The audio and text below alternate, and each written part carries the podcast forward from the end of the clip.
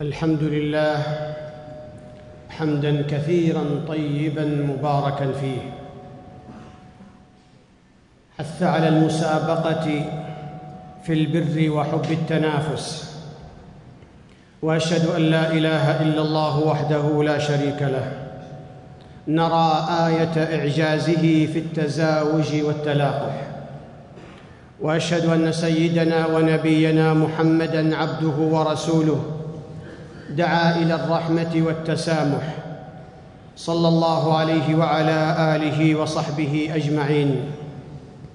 أما بعد فأوصيكم ونفسي بتقوى الله. قال الله تعالى يا أيها الذين آمنوا اتقوا الله وقولوا قولا سديدا.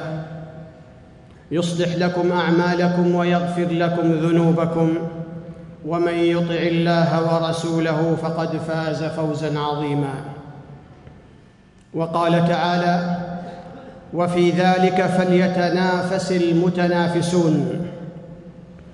ينافس المسلم في الطاعة ويسارع في الخير لأن الأعمار قصيرة والآجال محدودة واللبيب العاقل يبادر قبل العوائق والعوارض فلا يستوي مبادر إلى الخير ومتباطئ ومسابق في الفضل ومتثاقل. التنافس المحمود يثري الحياة ويجعل المسلم يطمح إلى السمو بنفسه والارتقاء بعلمه وعمله للسعي إلى الكمال. سرت روح التنافس في نفوس أصحاب الهمم وأعلاهم قدرا أنبياء الله صلوات ربي وسلامه عليهم. فنبي الله موسى عليه السلام بكى لما تجاوزه النبي صلى الله عليه وسلم غبطة. فقيل له ما يبكيك؟ فقال أبكي لأن غلاما بعث بعدي يدخل الجنة من أمته أكثر ممن يدخلها من أمتي. وكان يقول رسولنا الكريم صلى الله عليه وسلم فأرجو أن أكون أكثرهم تابعا يوم القيامة. بث رسول الله صلى الله عليه وسلم في أصحابه مبدأ التنافس وخلق التسابق ليرتقوا سلم الوصول ورسم لهم اهدافا سامقة في أحاديث لا حصر لها منها أن رسول الله صلى الله عليه وسلم قال لا تنافس بينكم إلا في اثنتين رجل أعطاه الله عز وجل القرآن فهو يقوم به الليل والنهار فيتتبع ما فيه فيقول الرجل لو أعطاني الله مثل ما أعطى فلانا فأقوم به مثل ما يقوم فلان. ورجل أعطاه الله مالا ينفق ويتصدق فيقول رجل مثل ذلك. وقال صلى الله عليه وسلم من قام بعشر آيات لم يكتب من الغافلين ومن قام بمائه آية كتب من القانتين ومن قام بألف آية كتب من المقنطرين. ومما رغب فيه النبي صلى الله عليه وسلم المنافسة على الصف الأول. وفي الحديث لو يعلم الناس ما في النداء والصف الأول ثم لم يجدوا إلا أن يستهموا عليه لاستهموا. ولو يعلمون ما في التهجير لاستبقوا إليه ولو يعلمون ما في العتمة والصبح لأتوهما ولو حبوا.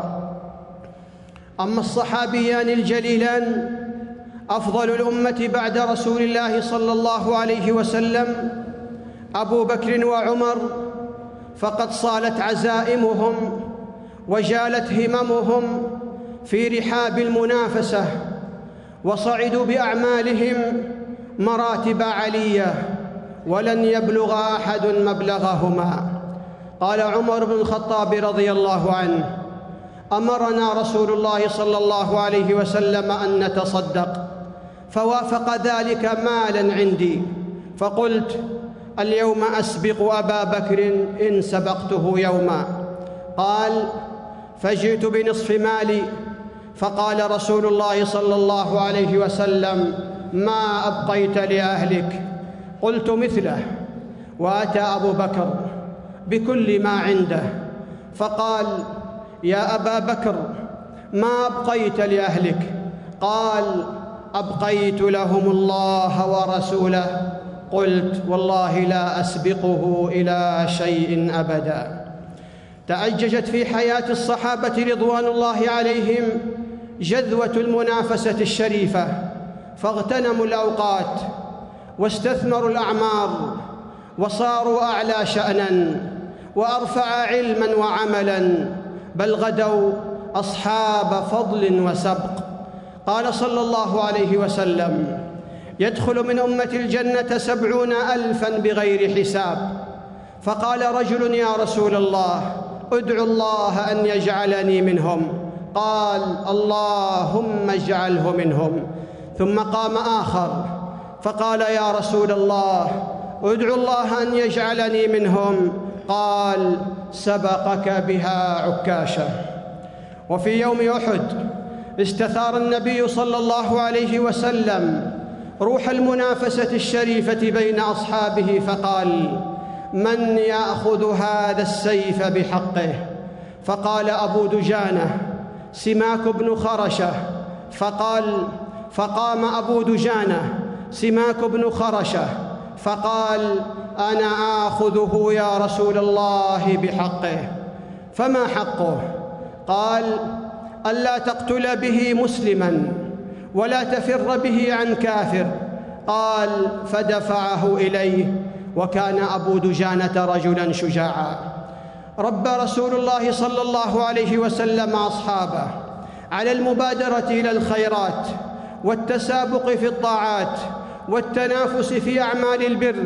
فعن أبي هريرة رضي الله عنه قال جاء الفقراء إلى النبي صلى الله عليه وسلم فقالوا ذهب أهل الدثور من الأموال بالدرجات العلى والنعيم المقيم. يصلون كما نصلي ويصومون كما نصوم ولهم فضل من أموال يحجون بها ويعتمرون ويجاهدون ويتصدقون. قال ألا أحدثكم بأمر إن أخذتم به أدركتم من سبقكم ولم يدرككم أحد بعدكم وكنتم خير من أنتم بين ظهرانيه إلا من عمل مثله. تسبحون وتحمدون وتكبرون خلف كل صلاة ثلاثا وثلاثين. التنافس عباد الله يظهر أثره في الآخرة ويمتد إلى الجنة فيصعد أهل القرآن درجات الجنة بمقدار ما يقرؤون ويرتلون. يقال لصاحب القرآن اقرأ وارتقي ورتل. كما كنت ترتل في الدنيا فإن, فإن منزلتك عند آخر آية تقرأ بها. هذا التنافس المحمود الذي ربانا عليه الإسلام يولد التفوق ويعزز الطموح ويزيد التنمية والإنجاز ويستعذب فيه المسلم المر ويستقرب البعيد ويتجاهل المعوقات. يسمو التنافس بصاحبه إلى المراتب السنية حين يؤسس على نية خالصة صادقة. ويطهر من لوثات القلوب التي تفسد العمل وتجعله هباء منثورا. أما موت روح التنافس فإنه يحول الأمة إلى مجتمع متهالك متهافت يسوده التواكل والتخلف ويفرز البطالة والقعود وينشئ جيلا هزيلا فاتر العزيمة. وفي المقابل نهى الإسلام عن التنافس المذموم ومنشاه التنافس في الدنيا واتباع الأهواء. قال رسول الله صلى الله عليه وسلم فوالله ما الفقر أخشى عليكم ولكني أخشى أن تبسط عليكم الدنيا كما بسطت على من قبلكم فتنافسوها كما تنافسوها وتهلككم كما أهلكتهم. يكون التنافس على الدنيا مذموما يكون التنافس مذموما على الدنيا حين تلهيك عن الله والدار الآخرة وتحملك على القبائح والمنكرات وتقودك إلى منع واجب. أو أخذ حرام أو اعتداء على حقوق الآخرين. أدى التنافس على الدنيا إلى التصارع بين الإخوة والأقارب وسبب القطيعة والبغضاء والشحناء فكثرت الخصومات واشتدت المنازعات. وكان الحسن رحمه الله يقول من نافسك في دينك فنافس ومن نافسك في دنيا فألقها في نحره. الحسد عباد الله من أشد أسباب التنافس المهلك الذي يقوض بناء الأخوة الإسلامية ويفقد المسلمين الأمن لأن الحاسد يتمنى زوال نعمة أخيه وقد يتسبب في زوالها بالقوة. ومن المنافسة المذمومة ما يحصل بين الأقران والمتقاربين في الفضائل أو الرئاسة الدينية أو الدنيوية. وقد يذم المرء غيره بذكر مساوئه وغض الطرف عن محاسنه لوجود عداوة أو بغضاء. قال الله تعالى ولا تبخسوا الناس أشياءهم وقد تفضي المنافسة إلى المجافاة والتحقير والبغي والعدوان والاستطالة على الآخرين. وقد تقع المنافسة المذمومة في التجارة. لذا ضبط الإسلام المنافسة في الأعمال الاقتصادية بقواعد وأحكام شرعية. رسخ القيم والمبادئ والأخلاق فحرم الاحتكار بكل صوره. قال رسول الله صلى الله عليه وسلم لا يحتكر إلا خاطئ. حرم الحيل والغش والغرر والخداع والتدليس. قال رسول الله صلى الله عليه وسلم ومن غشنا فليس منا. أعطى الرسول صلى الله عليه وسلم الحق في الخيار لمن كان في عقله ضعف كما في حديث ابن عمر رضي الله عنهما أن رجلا ذكر للنبي صلى الله عليه وسلم أنه يخدع في البيوع فقال إذا بايعت فقل لا خلابة. قال الله تعالى وسارعوا إلى مغفرة من ربكم وجنة عرضها السماوات والأرض أعدت للمتقين. بارك الله لي ولكم في القرآن العظيم ونفعني وإياكم بما فيه من الآيات والذكر الحكيم. أقول قولي هذا وأستغفر الله العظيم لي ولكم ولسائر المسلمين من كل ذنب فاستغفروه إنه هو الغفور الرحيم.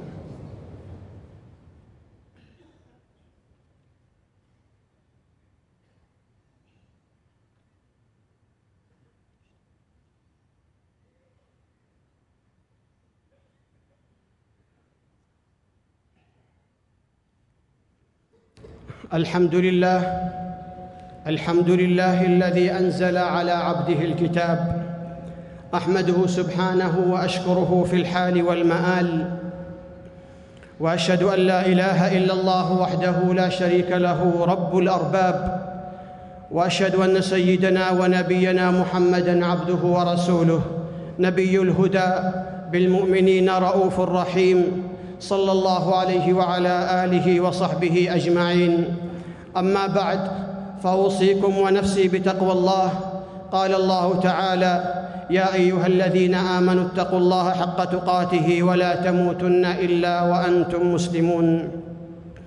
ومن التنافس المذموم تنافس القنوات الفضائية في إغواء الناس وإغرائهم بالمحرمات حيث يزين لهم الشيطان سوء أعمالهم يتنافسون على الخسران المبين فتفسد العقول وتلوث الفطر وتحطم الأخلاق. ومن التنافس المذموم الإسراف والبذخ في الأفراح وعدم احترام النعمة والمنكرات المخالفة في هذه الاحتفالات في ظل غياب مراقبة الله والعقل والحكمة مع عدم الاعتبار بما يموج في العالم من فقر وشدة وضيق حال. ومن التنافس المذموم الممارسات الخاطئة في الميدان الرياضي الذي أدى إلى التناحر والتنافر والتنابز والتباغض حتى انحرفت عن أهدافها ومقاصدها.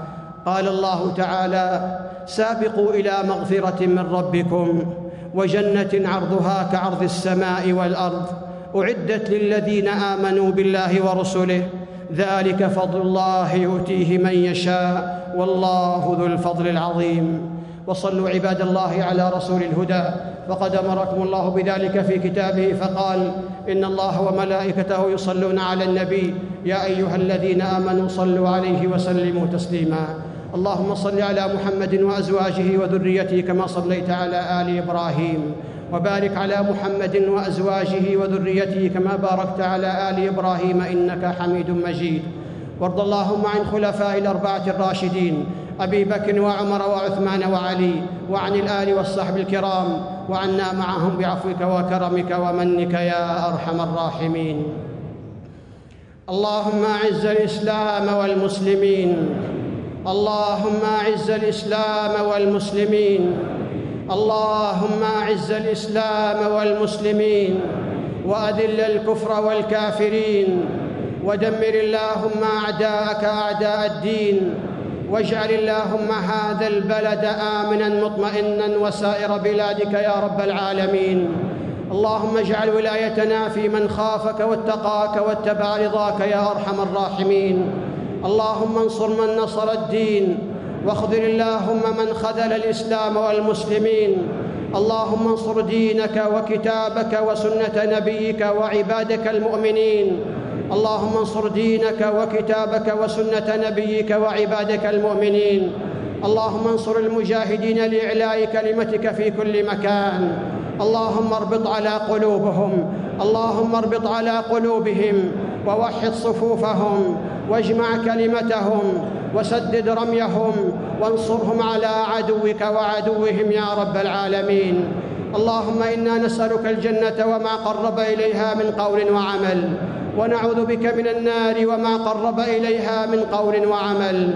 اللهم أصلح لنا ديننا الذي هو عصمة أمرنا وأصلح لنا دنيانا التي فيها معاشنا وأصلح لنا آخرتنا التي إليها معادنا واجعل الحياة زيادة لنا في كل خير والموت راحة لنا من كل شر يا رب العالمين. اللهم إنا نسألك الهدى والتقى والعفاف والغنى. اللهم إن اللهم أعنا ولا تعن علينا. وانصرنا ولا تنصر علينا. وامكر لنا ولا تمكر علينا.